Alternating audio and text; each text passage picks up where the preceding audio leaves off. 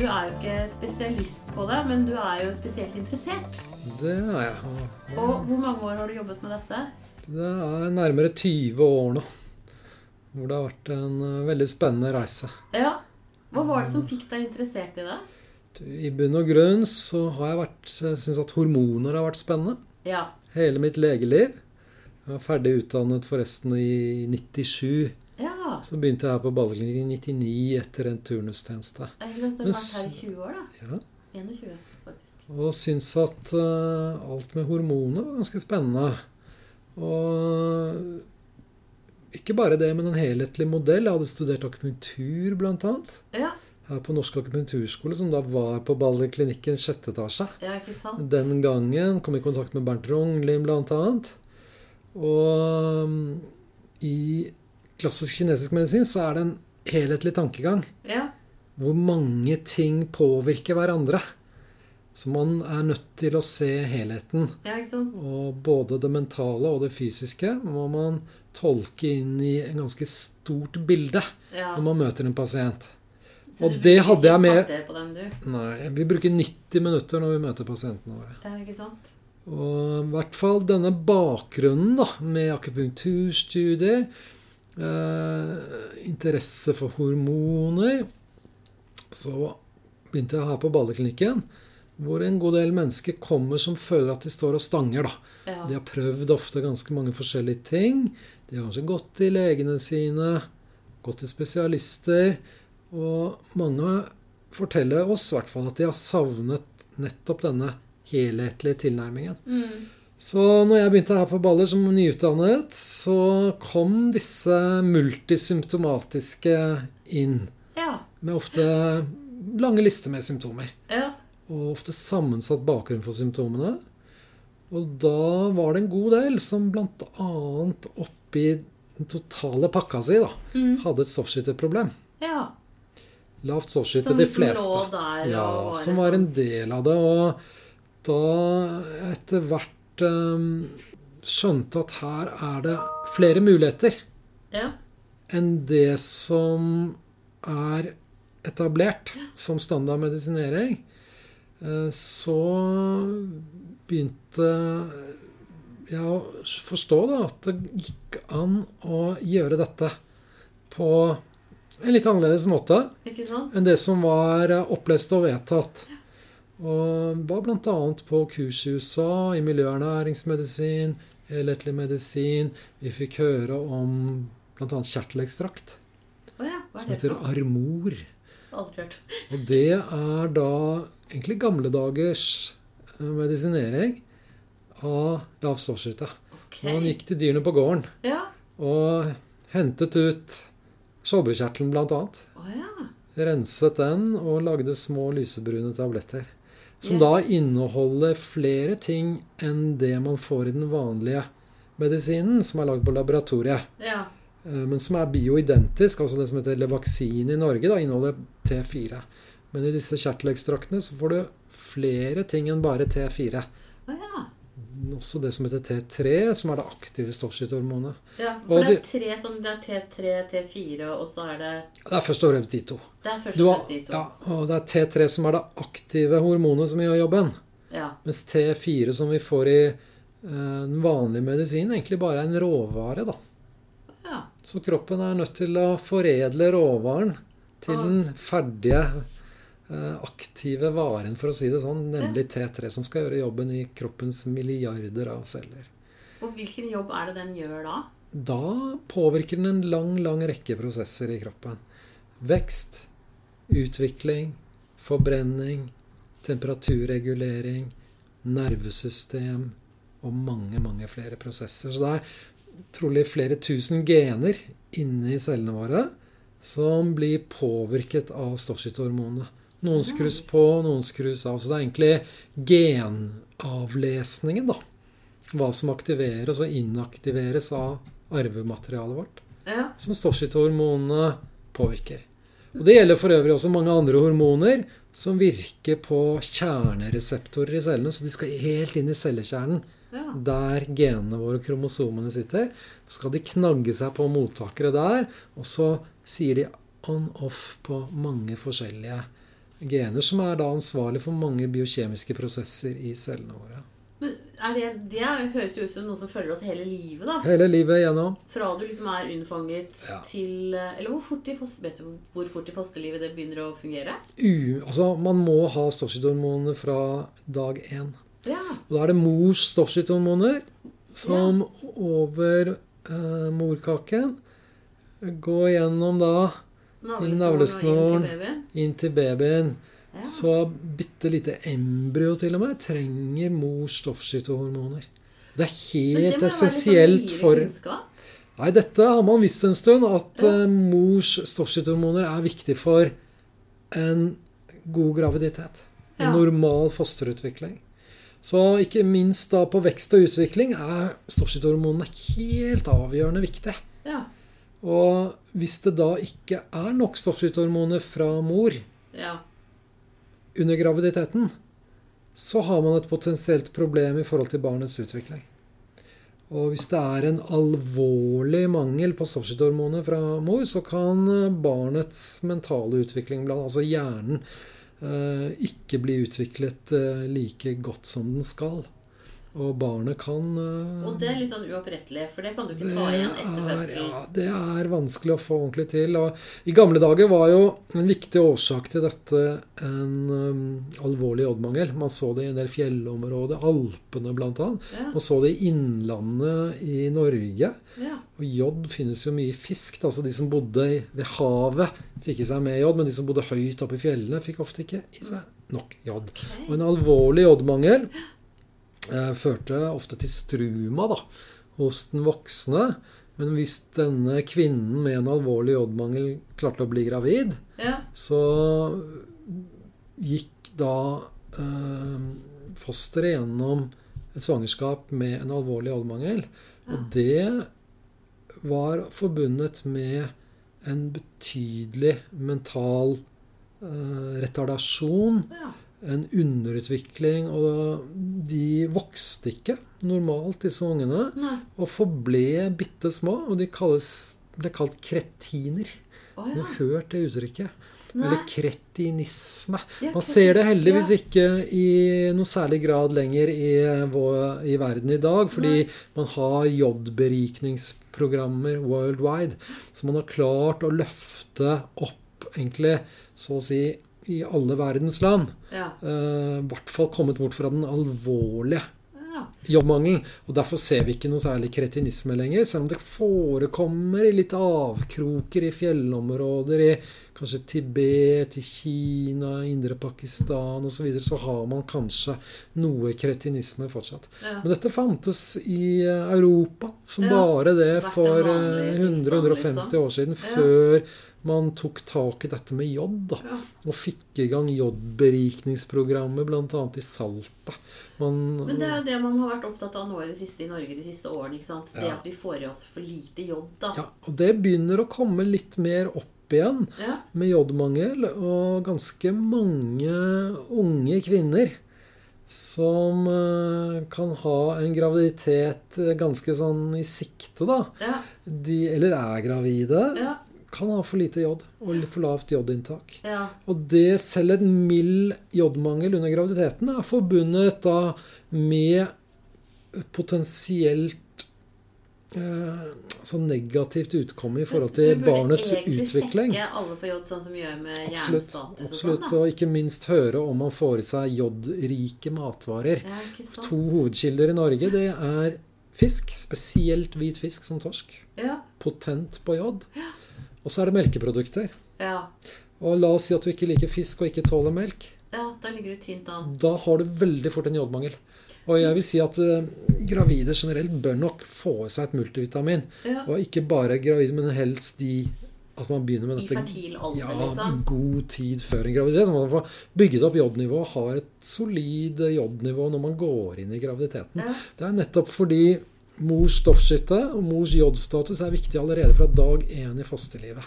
Så et bitte lite embryo Ja, som skal utvikle seg. Det er celler som skal dele seg. Det er utrolig avansert eh, program som skal kjøres biokjemisk. Ja.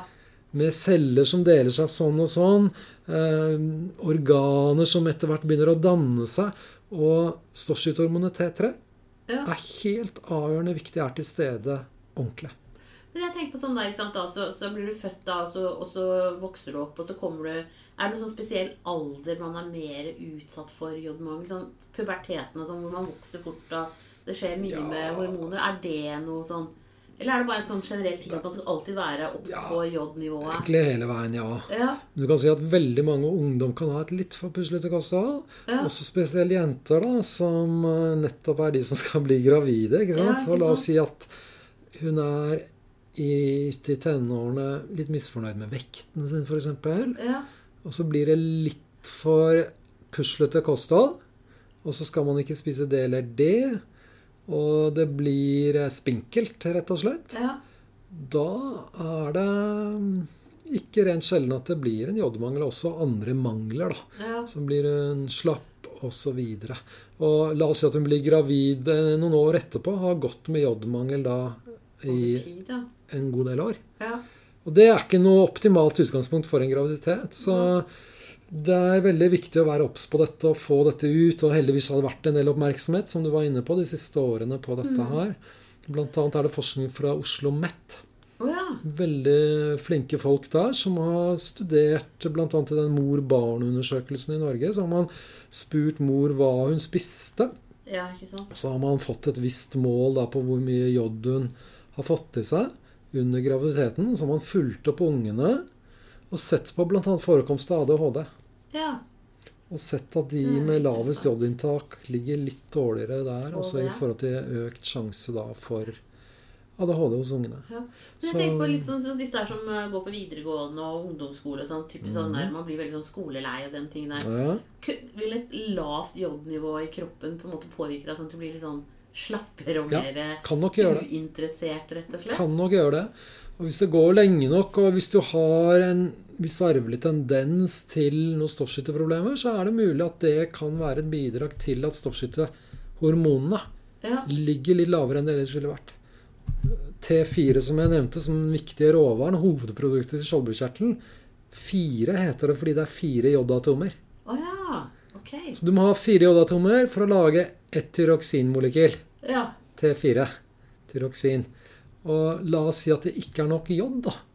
Da begynner skjoldbruskkjertelen å slite med å lage sitt hovedprodukt, denne råvaren som serveres kroppens celler til omdanning til det aktive T3. Ja. Hvor ett jodatom spaltes bort, sånn at det blir bare tre igjen. Ja. Da kalles det T3.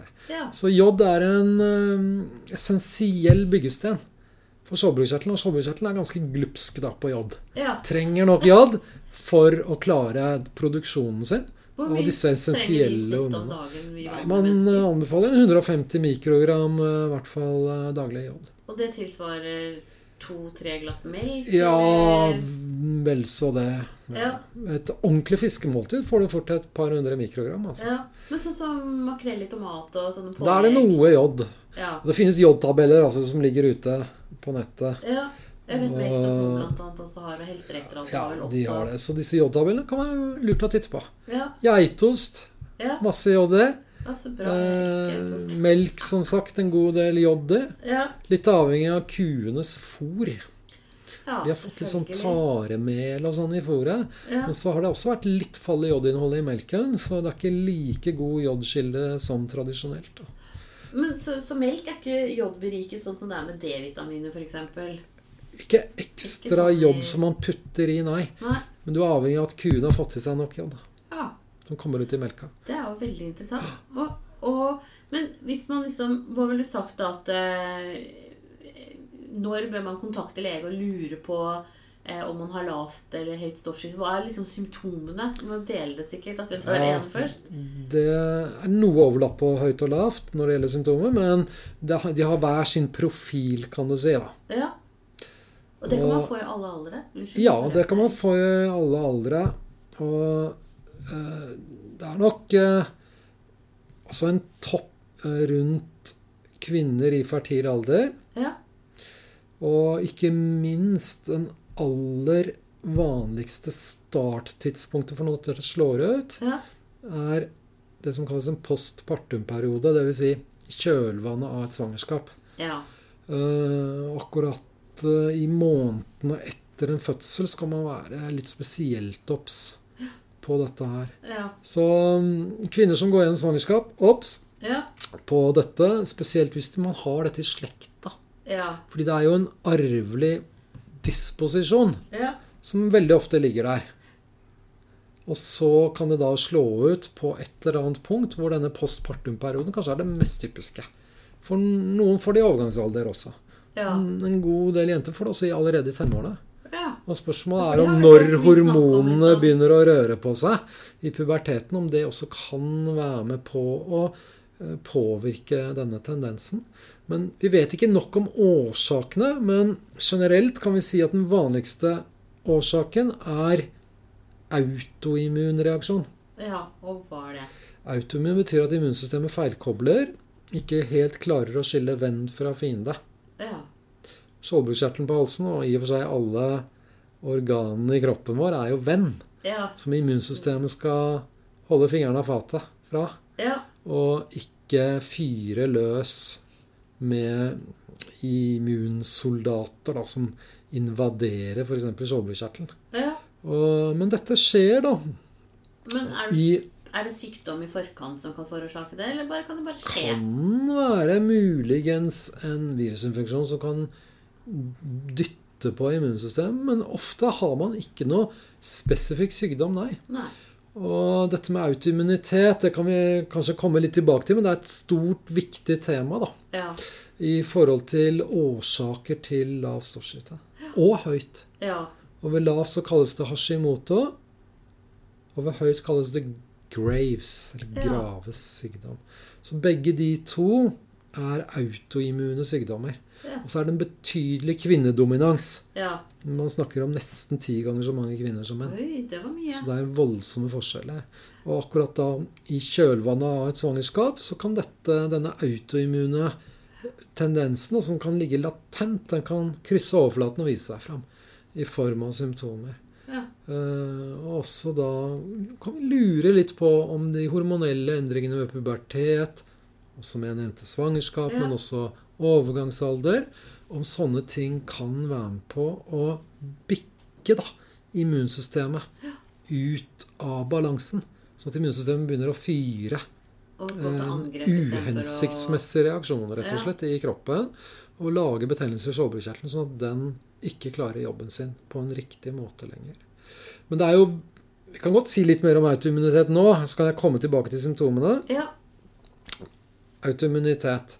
Hvorfor i all verden begynner immunsystemet å bikke over og feilreagere? Og dette har vi som sagt ikke alle svar på. Nei. Jeg nevnte at hormonelle endringer kan ligge litt i dette landskapet. Så kan man ha en arvelig tendens.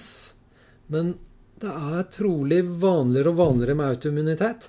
Ja. Og jo lenger en moderniseringsprosess ruller videre i et samfunn, ja. Jo mer, jo mer autoimmunitet. For øvrig også mer allergi, astma, eksem, som også handler om et immunsystem som driver og krangler med ufarlige ting. Pollen er Ja. ikke farlig for mennesket. Nei. Likevel begynner immunsystemet, hos det moderne mennesket spesielt, da, i større og større grad, i større og større deler av befolkningen, å krangle på det. Ja. Så folk går i bjørkepollensesongen og nyser med tett eh, nese, rennende nese, øyne osv.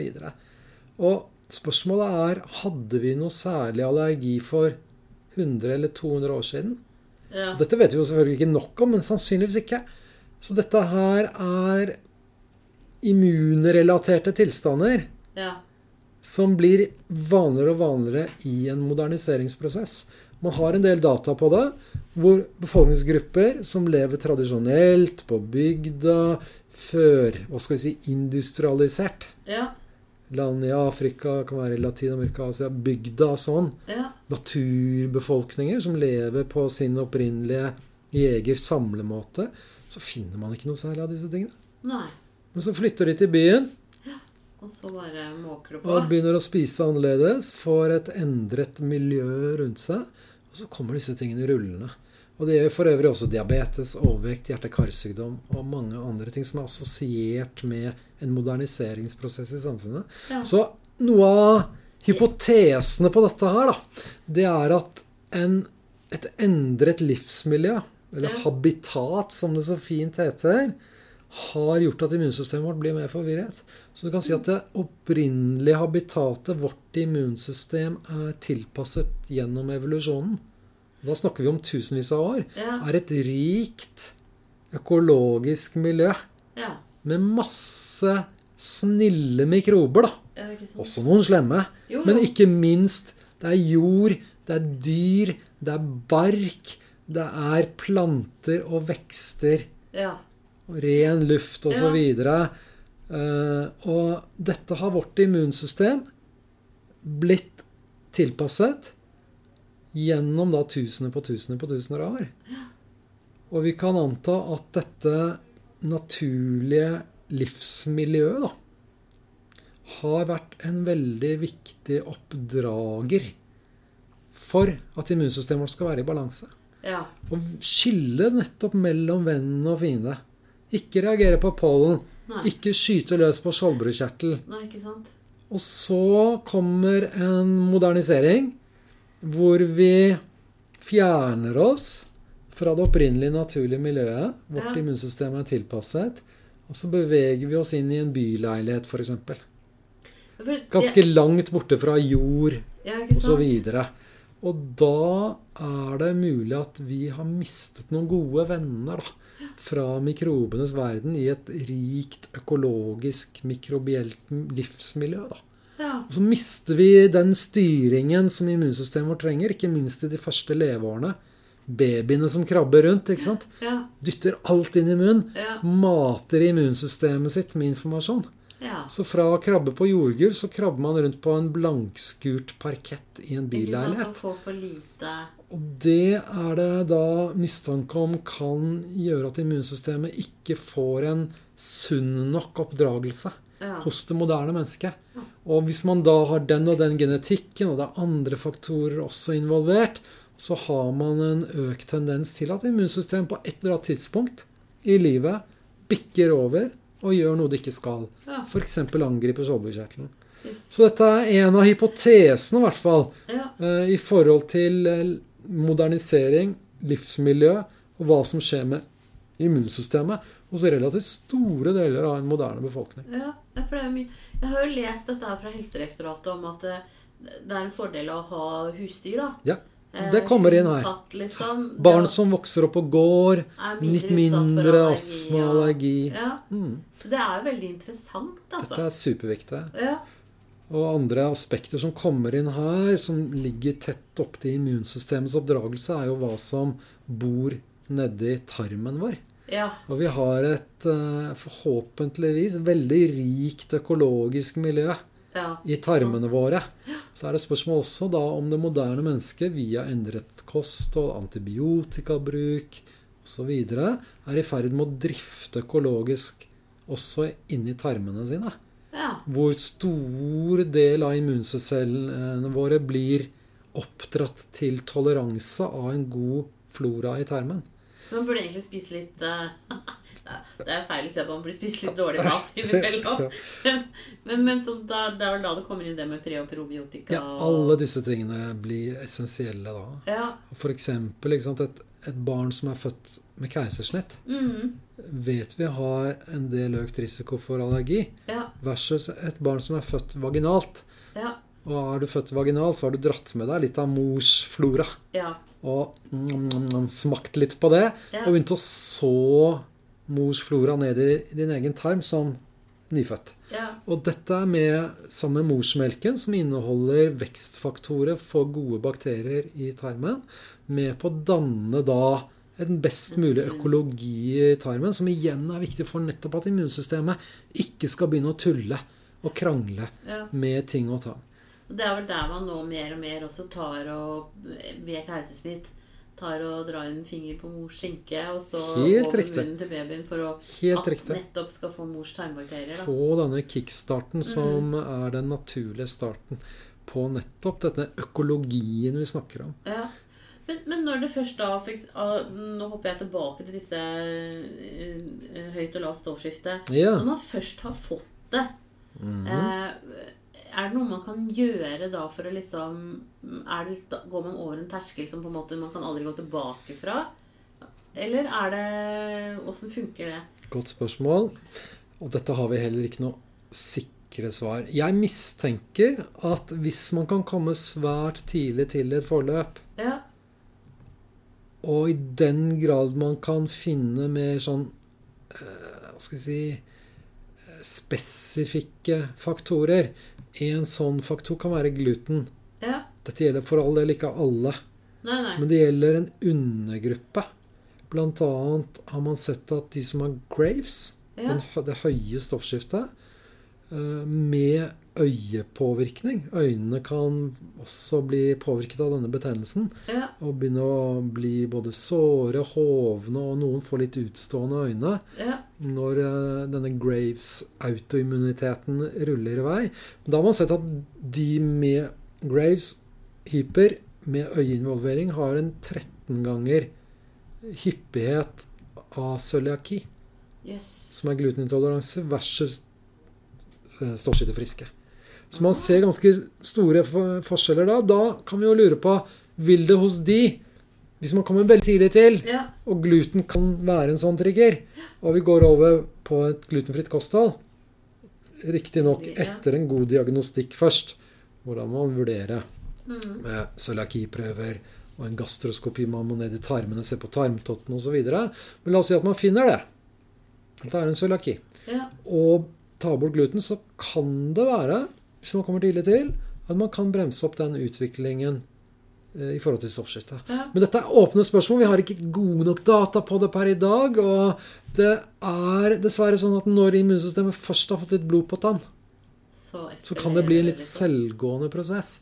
Så la oss si at det har vært triggere som endret flora, endret mikrobielt levemiljø, kostholdsfaktorer som gluten, kanskje også alt det vi eh, har dessverre dyttet ut i miljøet vårt av miljøgifter og kjemiske ting. Så vi lever egentlig i en liten kjemisk suppe også. Ja. som kan være med på å provosere. Men la oss si at man rydder opp i mest mulig av de tingene.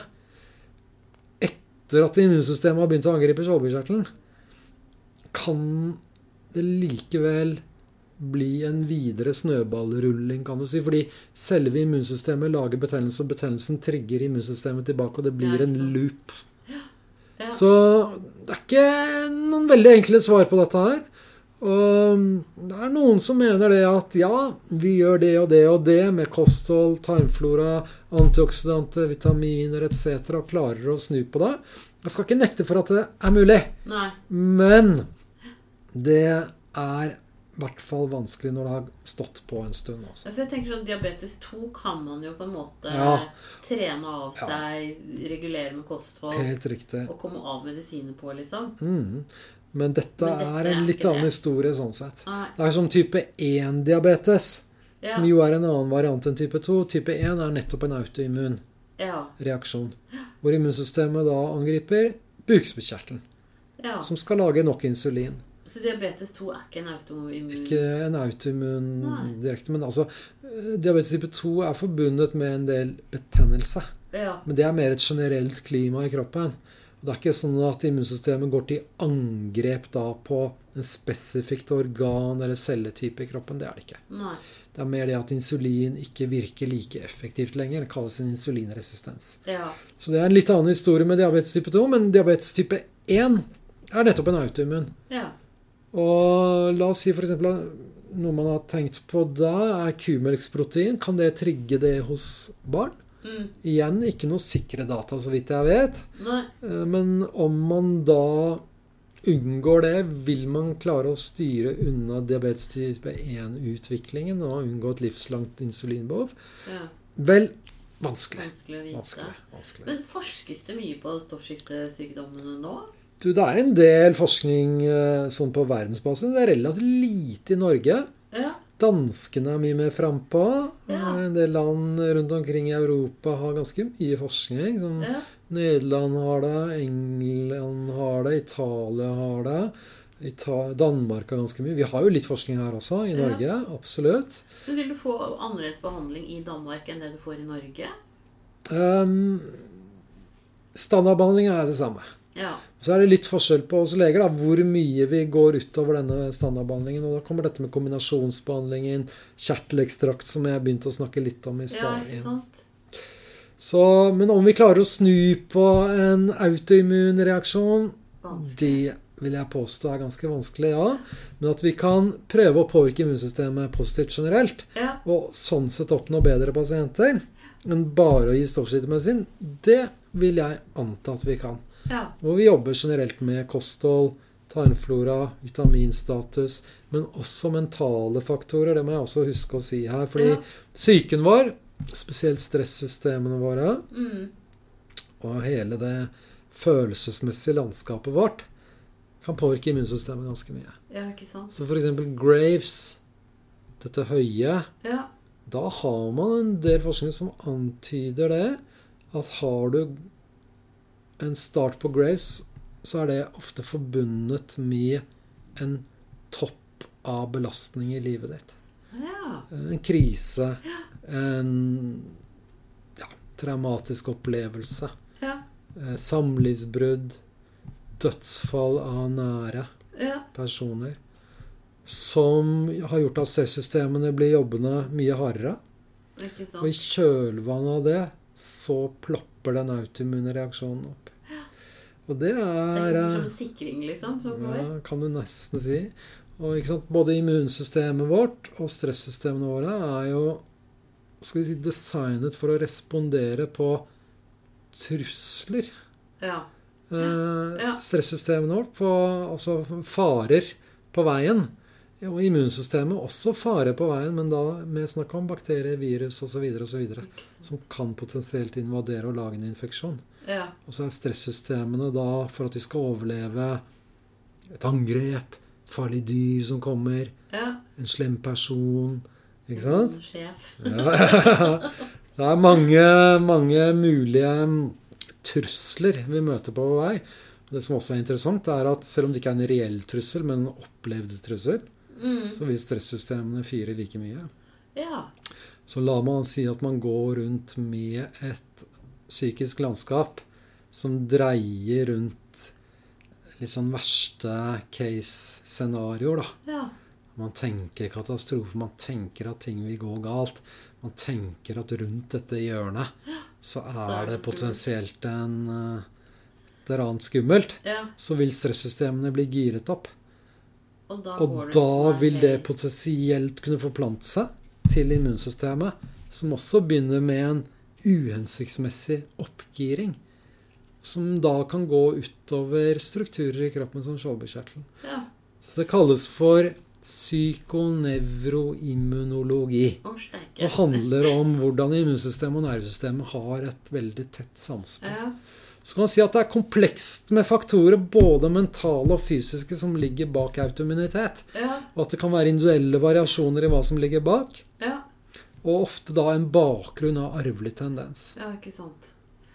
Men med sånn tegn på da på kroppen, Ja. liksom. Kan si litt om symptomer, Ja. som du spurte om i stad. Ja. Vi sporet litt av med autoimmunitet. Ja, men det, Men det er jo en veldig viktig bakgrunn. Det er hovedbakgrunnen da, for For det er jo ikke stoffskiftesykdom. snakket så mye om dette her med autoimmunitet ja, Det er et vikt, egentlig. veldig stort, viktig tema. Ja. Men vi kan komme da litt inn på symptomene, og hva man kan merke. da. Og da er det lavt, og så er det høyt. ja. Med litt på noen symptomer motsatt symptomprofil. Ja. Du kan si generelt at lave kaller ofte bare hypo, eller hypotyreose. Ja. Lavt eh, er en treg, energiløs, tung tilstand. Mens hyper, altså høyt, ja. er mer en adrenalin, De eh, har jo høy puls og uro, eh, ting spinner litt. Ja. Man blir også utslitt av det høye. Og symptomer da på lavt, som ofte nevnes, er disse generelle tingene som kronisk tretthet, Ja. en unormal energisvikt, kan du si.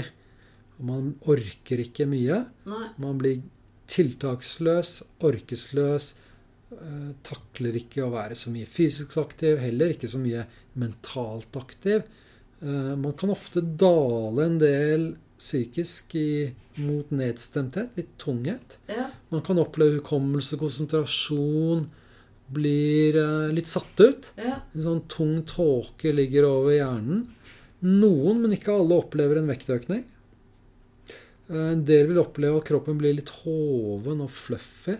Tørre hud. snakket med en i dag som, som var gravid, da. Men hun, han sa at hun hadde fått større nese.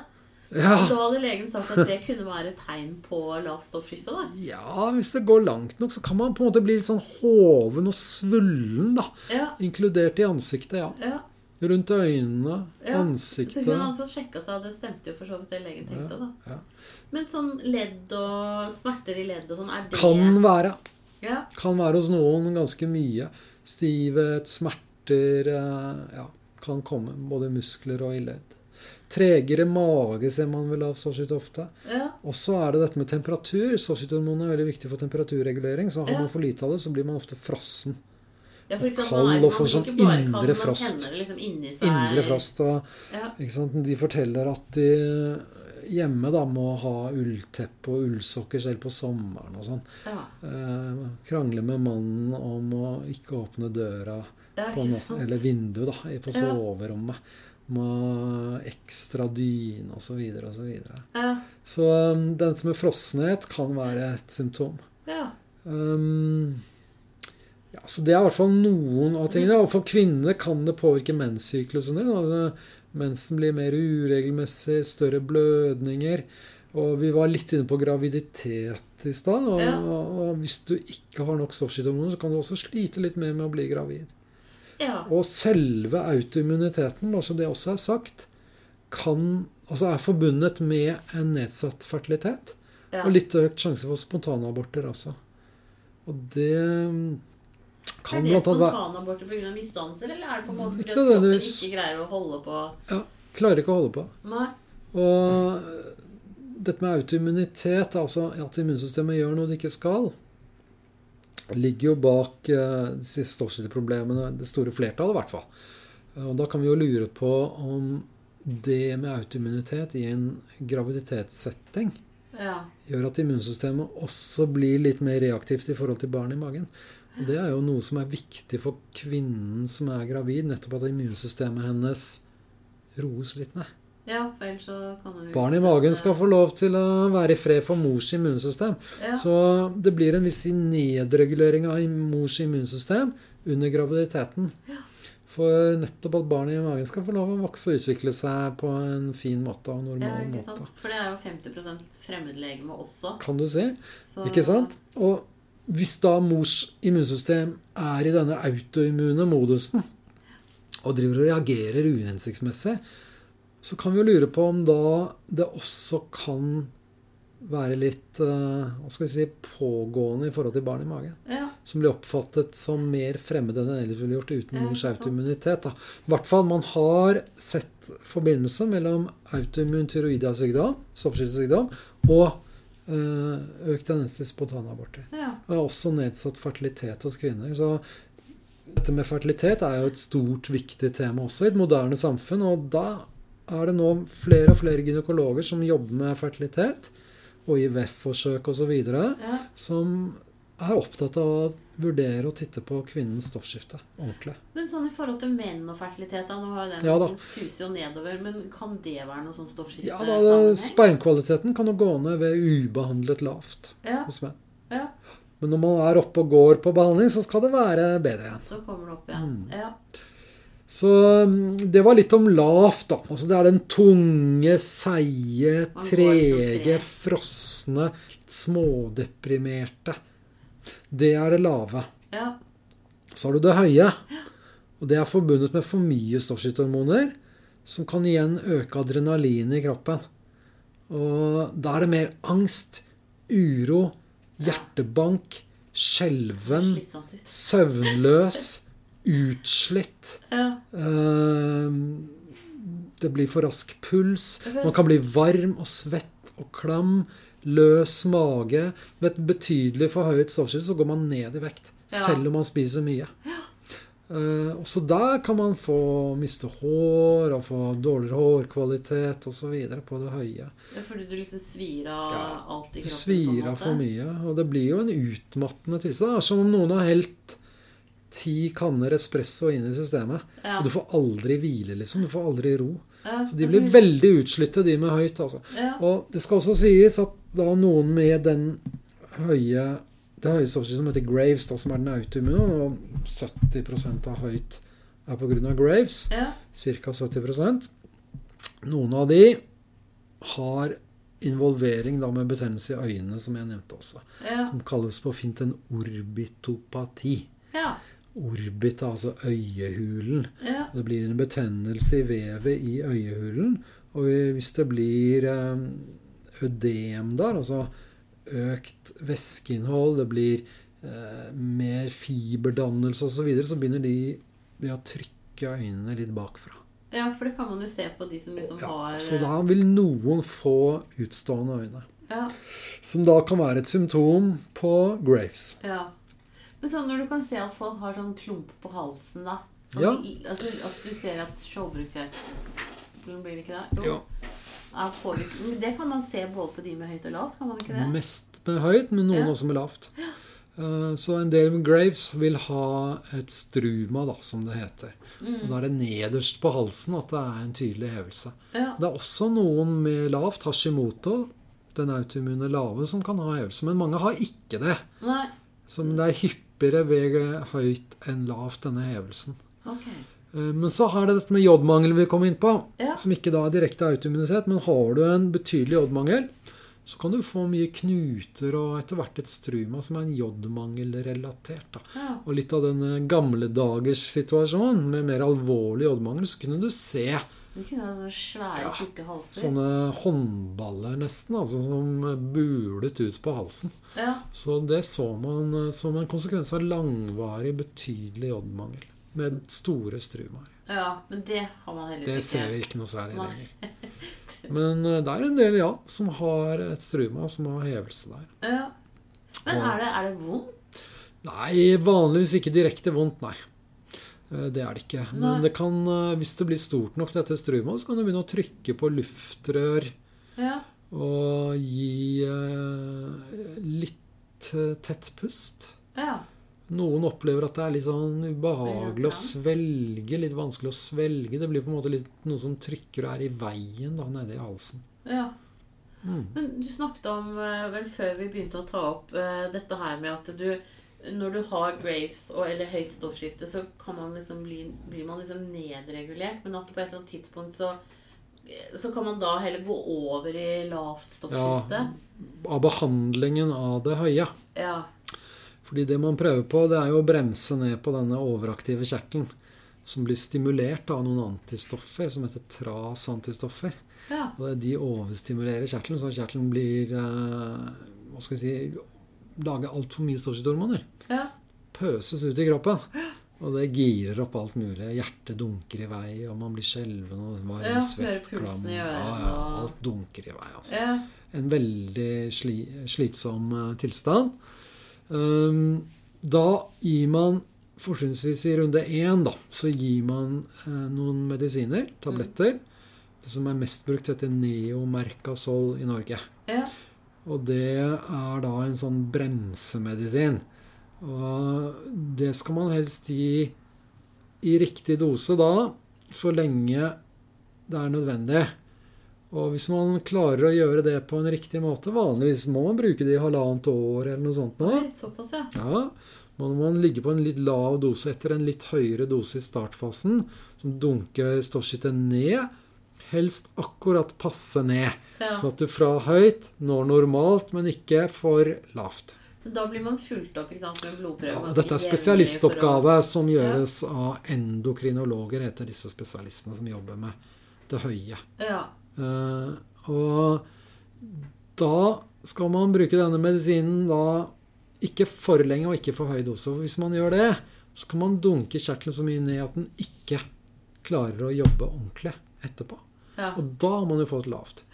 Eh, Men hvis det er en vellykket tablettbehandling, så ender man opp med normal stoffskifte etterpå. Men man har da likevel en tendens til tilbakefall. ja. Så ganske mange med Grace vil få tilbakefall etter et år, to, tre. Så man har gjennomgått tablettbehandlingen, og da er det spørsmål hva gjør vi nå? Hvis det kommer tilbake. Virker pillene da, da? ja, da virker det igjen, så da kan man gi en ny tablettrunde. Ja.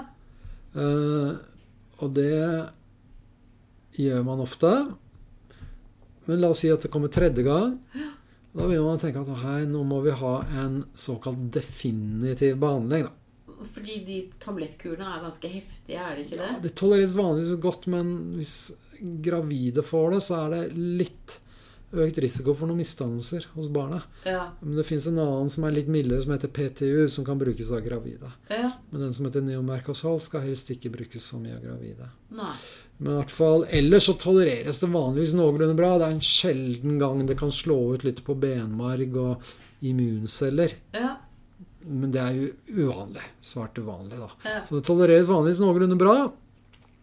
Men man tenker at ok, blir det en sånn gang på gang på gang høyt stoffskifte som kommer tilbake, Ja. eh, så vil veldig mange endokrinologer anbefale en såkalt definitiv behandling.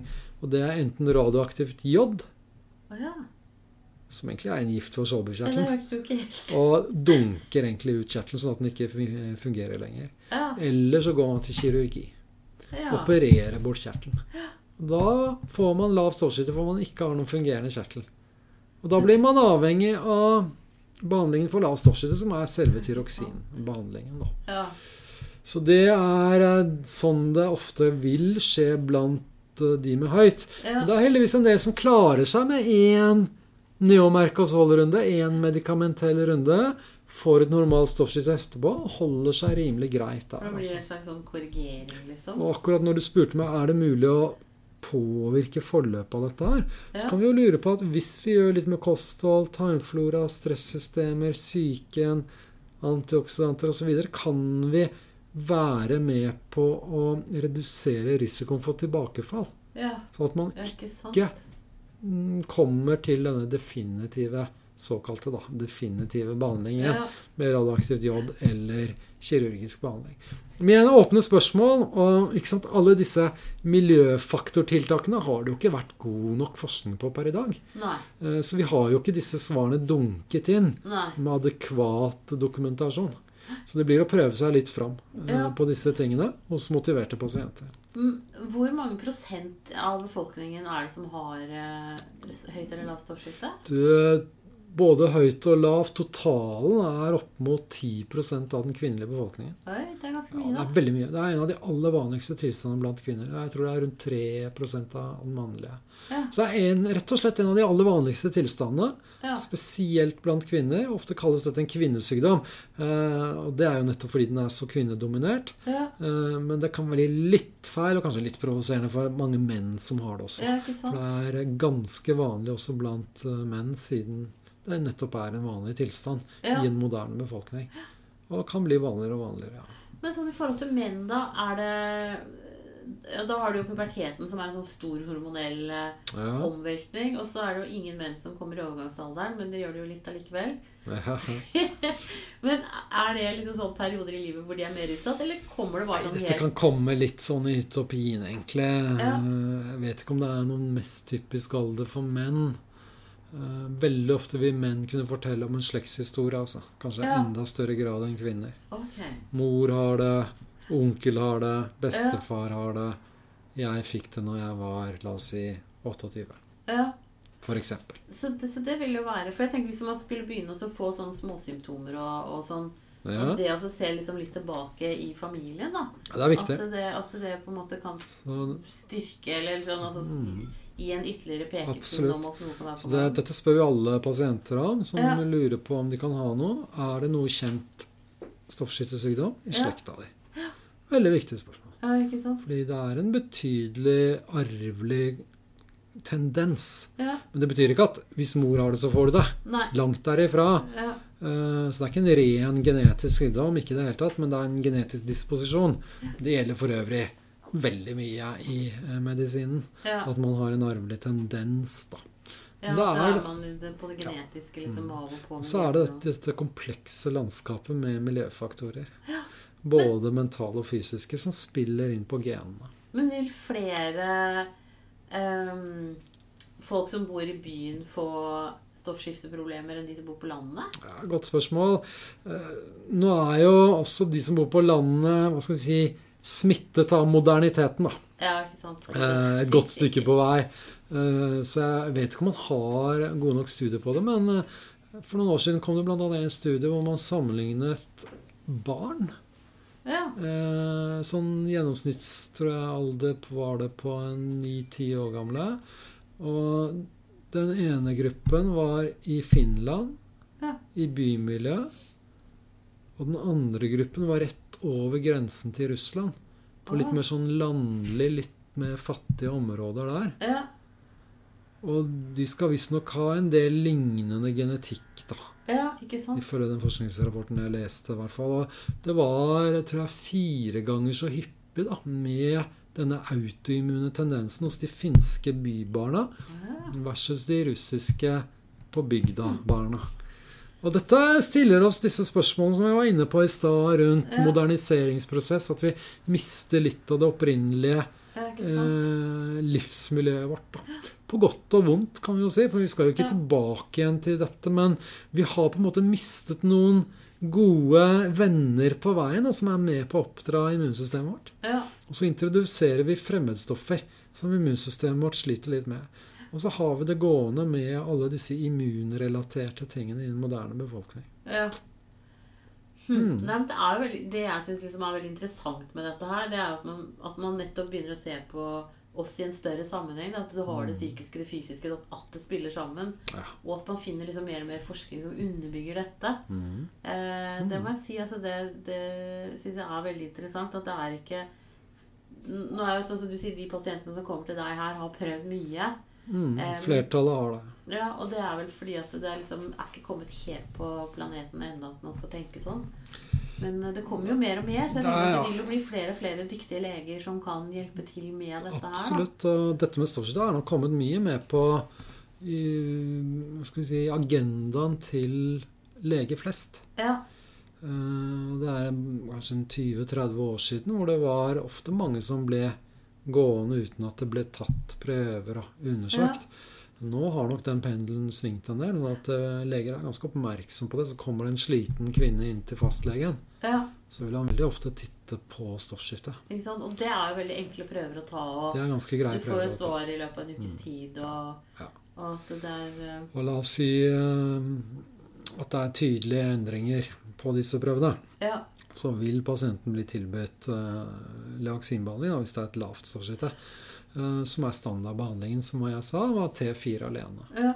Men lavt stoffskifte, da, da er du liksom ute for en resten av livet-behandling? Vanligvis, ja. Ja, ikke sant? Den er ikke så mye du kan gjøre fra eller til med. Og det er nettopp fordi også vanligvis den autoimmune prosessen har tikket og gått en stund. Ja. Og gjort at produksjonskapasiteten i skjoldbruskkjertelen er betydelig nedsatt. Og da må vi eventuelt stoppe denne immunprosessen. Da, og det er der vi kommer inn til alle disse komplekse spørsmålene rundt miljøfaktorer, om vi faktisk kan stoppe den. Ja. Men vanligvis så blir det, som jeg er inne på i stad, en selvgående prosess. Og da har man et livslangt behov for å erstatte da i kroppen det skjoldbruskkjertelen ikke klarer å lage selv. Ja. Hm. Men når du sier sånn miljø, da tenker jeg veldig sånn eh, typ på liksom forurensning, eh, alt som er rundt oss. Men, men jeg tenker på at vi lever i en veldig sånn stressende tid, da. Ja. Vi skal jo rekke alt. Mm, Ville du sagt at stress er en miljøfaktor? absolutt, ja. I høyeste grad. Og det er en av de store eh, elefantene i det moderne helserommet. Ja. Og det påvirker oss på veldig mange måter. Og det er en mer eller mindre kronisk oppregulert stressrespons hos eh, en god andel av en moderne befolkning. ikke I hvert fall i faser av livet, og det er individuelle forskjeller, selvfølgelig. Eh, og det er eh, livserfaringene vi har med på godt og vondt, som primer stressystemene våre Ja. i forhold til terskel for aktivering, blant annet. ja. Og hvis du er eh, hva skal vi si, opplevd ganske negative ting da, opp igjennom, spesielt tidlig i livet, Mm. så vil det bli en lavere terskel for aktivering. Og en del vil gå med en kronisk oppregulert stressrespons. For da har liksom kroppen vært igjennom det en gang før. Ja, den blir på en måte tunet inn på at verden er truende. Ja. Men så er det alt dette med hva skal vi si, tidsklemma. Mange småbarnsforeldre vil kjenne seg igjen i det. ikke sant? At vi løper litt rundt. Ja. Spinner litt rundt. Ja. Og det er mye som skal rekkes over. Ja. Og det blir en, eh, en konstant følelse av å ikke strekke til. da. ja. Men det tenker jeg, det er litt sånn der at eh, det er det jo med barn uansett.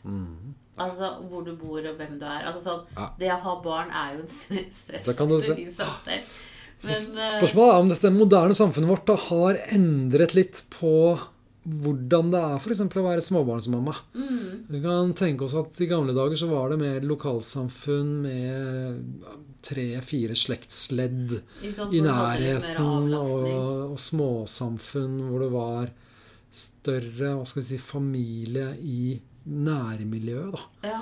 Uh, Sånn at man hadde nok tradisjonelt Mm, um, en mulig, muligens i hvert fall. Ja. Mange hadde det. Større Større avlastning. ja, At man sto ikke helt alene i, den leiligheten sin Nei. med ungen. Og så bor eh, besteforeldrene på en annen kant av landet. Søsken bor der og der. Og man skal ha full jobb. Begge foreldre. Det er barnehagen. ikke sant? Så Ja. man har ikke det samme nettverket som man trolig hadde da, Nei. i gamle dager. Nei, Så det kan ha endret seg en del hvor mye man blir stressa av små barn eh, Men det kan jo bli samfunn. spennende å se om menn nå etter hvert som de involveres mer og mer. Ja, ja, ja. Om, de, om det blir en økning av, av liksom autoimmunsykdommer også hos menn. Det er et godt spørsmål. Det vil vise seg om en Mm, Det kan du 10-15 si. Ja. år. Men, eh, men kan man dø av for høyt eller for lavt stoffskifte hvis det er ubehandlet? Da skal det være ekstremt. eh, Veldig ekstremt. Ja. Eh, og det ser vi i praksis ikke, da. Nei. Det gjør vi ikke. Men det er f.eks. noe som heter en tyrotoksisk krise. Ja. Og det er at eh, man har et eh, stoffskifte som er veldig høyt. Og hjertet da kommer til å jobbe veldig, veldig hardt, da. ja. Og hvis det pågår eh, for stor grad for lenge, så kan det potensielt være livstruende. Ja. ja. Men heldigvis, kom, man kommer ikke dit da, i, før man Nei, få snappet opp dette her, og man har hatt symptomer lenge før. ja. Ja, men det er jo godt å Så vite. nei, dette Dette- dør man nok ikke av, i hvert fall i vår del av verden per i dag. Ja? Men, Såpass gode helsevesen som vi har. Altså. ja, men det, det er bra. Mm. Men da, da tenker jeg at det kan være en bra sånn avslutningsgreie. At det, det er en sykdom du kan få, mens du ikke i stor grad i sånn særlig grad dør av. Ja, Men, og det er god hjelp å få. absolutt. Eh, Det vi kan si litt mer om, ja. Eh, Det er nettopp det vi har masse positiv erfaring med som kalles en kombinert behandling. Ja. På lavt, Lav stoffskifte. Ja. Og jeg var litt innom det med T4 og T3. Vi Ja. snakket litt om det. At T4 er råvare som omdannes til det aktive hormonet T3. Og så har standardbehandling vært å bare gi T4 alene. Og da tenker man ja, omdanner kroppen er nok T3, sånn at alle kroppens organer blir happy nok, liksom. eh, Ja. kan du si, og får opp stoffskifte. Så er det spørsmål da, som er mer og mer på agendaen blant forskere, om det gjelder absolutt alle med lav stoffskifte. Om de kommer faktisk ikke i mål bare gi råvaren, ja. eller om vi må gi en liten dash T3 også. Sånn at det er liksom direkte. At du Ja. ikke må jobbe hardt for å bruke det? Og en frisk holdbeskjertel lager faktisk eh, litt T3. Ja. Så hvis den ikke funker lenger, og vi bare erstatter med T4, så hermer vi ikke helt Nei. etter naturlig oppskriften. Nei. Vil i hvert fall jeg påstå, da. Ja. Og mm, det vi ofte gjør hos de som føler at de står og stanger en del på den vanlige vaksinbehandlingen, det er å forsøke da en tilleggsmedisin. Enten i form av den som heter liotyronin, som er i en T3, kjemisk fremstilt, Ja. eller disse kjertelekstraktene fra Ja. dyr. Mm. Og det mest kjente heter armortyroid. Ja. Et annet heter erfatyroid, naturetroid. Det er flere av disse. Men de er ikke på blåresept i Norge, så pasienten må betale litt selv. Ja. Kanskje 200-300 kroner i måneden på det. Men det inneholder da nettopp et større spekter, Ja. inkludert en liten dash T3. ja. Og ved å kombinere da en lavere Levaxin-dose med en tilleggsmedisin som har T3, så opplever vi at ganske mange pasienter får det bedre. ja. Ikke alle, men mange opplever f.eks. at hjernen klarner til. ja. eh, De får bedre hukommelse og konsentrasjon, får litt mer energi, lite pluss psykisk. ja? Opplever en bedre livskvalitet, rett og slett. Ja. Og det er noe forskning på dette som viser resultater, annen forskning som ikke viser like tydelige resultater. Og her har vi ikke god nok forskning heller per i dag, da. Eh, Så vi planlegger en del forskning på dette. Spennende å funnet ut av. Absolutt. Dette er en viktig tematikk. Så hva er egentlig den optimale stoffskiftehormonbehandlingen? Ja. Og for hvem er det forskjell på folk? ja. Blant annet avhengig av genetikk på denne, disse omdanningssystemene inni cellene. Men, men ville det vært liksom noen ganger aktuelt å bare gi T3, da? eller? Du, da kan vi miste råvaren da, vet du, som heter T4. ikke sant? At Ah, kroppen trenger også den. Trenger Så da kommer vi liksom i litt motsatt grøft igjen. Ja. Så, og apropos gravide, altså, da er det først og fremst mors råvare, altså T4, som må over morkaken og inn til fosteret, som kan omdanne mors T4 til aktiv T3. Ja. Som gjør jobben i, i fosterets hjerne, blant annet. Så det er veldig viktig at gravide har nok T4. ja. Men vil det påvirke fosterets eh, skjoldbruskkjertel? At den får den tilført Nei, for det er selvfølgelig naturlig regulert. Ja, det blir naturlig Ja, regulert. så det, Det er viktig at mor ikke da får for mye. Mor, nei, mor må verken få for mye eller for lite. Nei, Og hvis vi klarer å, å balansere stoffskiftet hos den gravide kvinnen, så har vi en eh, helt frisk fosterutvikling Ja, og en fin skjoldbuskjertel hos barna også etter hvert. da, Ja, Som begynner å jobbe selv i løpet av fosterlivet. ja, ikke sant. Og, og da er det jo også viktig det der at man følges opp gjennom graviditeten jevnlig. Eh, jeg jeg Ja. har på et eller annet tidspunkt lært at det er en gang i måneden at man skal Ja. sjekkes. Absolutt. Og spesielt det første delen av svangerskapet Ja, er det svært viktig å være påpasselig med stoffskiftet. Da må kvinnen som har et lavt stoffskifte, må opp i medisindose. ja, Så man må øke dosen minst ofte 20 noen, For noen opp mot en 50 ja. doseøkning. Og det bør man gjøre ganske kjapt i de første ukene, par månedene. Og dette kan man jo gjøre hos fastlegen. Absolutt. Det er en fastlegeoppgave å gjøre det. Men noen fastleger føler seg litt ukomfortable og involverer spesialister i, i den jobben. Ja, ikke sant? Det er svært viktig at uh, stoffskytterpasienter som blir gravide, forteller legene med en gang. Ja. Få tatt prøver, få en tett oppfølging. Men ville du sagt at det er nesten såpass viktig at man burde planlagt en graviditet liksom sånn eh, i forhold til medisinering og sånn? Ja, altså? Optimalt så er jo stoffskiftet godt regulert Ja, med jevnlig oppfølging hos legen, ja, sånn at ting er på stell ja. før man blir gravid. Det er ikke alltid sånn, da. Nei, sant, er det. Den ideelle verden finnes jo ikke helt. Nei, nei. Så det kan være litt opp og ned på hvordan kvinnen er dosert. Så kan man si at ok, en kvinne som planlegger en graviditet, Ja. bør gå til legen sin og fortelle jeg planlegger en graviditet, jeg har lyst til å bli gravid. Mm, Hvordan ser stoffskiftet mitt ut nå? ja, og da kanskje ta med jod på kjøpet, da. Veldig gjerne det. Så Mm. får man en oversikt. Ja. Så dette er en viktig del av det å kunne forberede en mest mulig optimal graviditet. Ja, Ja. er.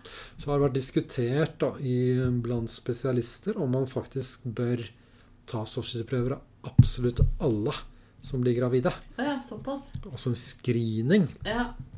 Og så har man da eh, prøvd å se om en screening vil gi et bedre utkomme med barnets utvikling. da. Ja. Man har slitt litt med å få det til, men det er studier som er veldig kompliserte. ja det Så, veldig mange ja, ja, ja. Så man har på en måte ikke landet dette med screening ennå. Nei. Da vil du få litt delte meninger. Men jeg mener at alle gravide bør få tatt stoffskiftehormonprøver. Det gjenspeiler litt det du sa om mor-barn-undersøkelsen, da. Som Mm. nå heter mor-barn-far-undersøkelsen. Ja, ja. Mm. Men uh, at der har de noe data på det, da. Men ja. kanskje ikke nok enda. Nei. Så- eh, Men også absolutt viktig det med jod, blant annet, som de har sett på. Ja, Og ikke minst selve stoffskitteprøvene. ja, Man prøver så godt man kan å ha dette på plass. da. Ja. Optimalt sett. Godt før man blir gravid. Ja. Mm. ja. Men da tror jeg at det var en bra avslutning. Yes! Da vil jeg si tusen takk til deg, Lars Omdal. Bare hyggelig. allmennlege på Balderklinikken. Eh, og åpen for nye oppdrag. Hvis folk sliter med et stoffskifte de ikke får orden på, så har du i hvert fall gode innspill. ja, Og- vi mener vi har mye å tilby der. Og Ja. vi har jo nå veldig stor pågang av stoffskiftepasienter fra hele Norge. Ja, ikke sant? Til og med noen fra Sverige kommer til oss. Ja. savner dette tilbudet. Så veldig mange opplever, vil jeg påstå, da, å møte både en grundigere og mer helhetlig tilnærming til plagene enn det de har opplevd rundt omkring. ja. Eh, Jeg vil også helt til slutt si at veldig mange kollegaer rundt omkring gjør god jobb nå ja. med disse tingene, men det er noen ganger det er ting som kunne vært gjort bedre. Ja, ikke sant? Men det gjelder oss alle. Ja. Yes, Vi har et forbedringspotensial. absolutt. Nei, men du, tusen hjertelig takk. Bare hyggelig.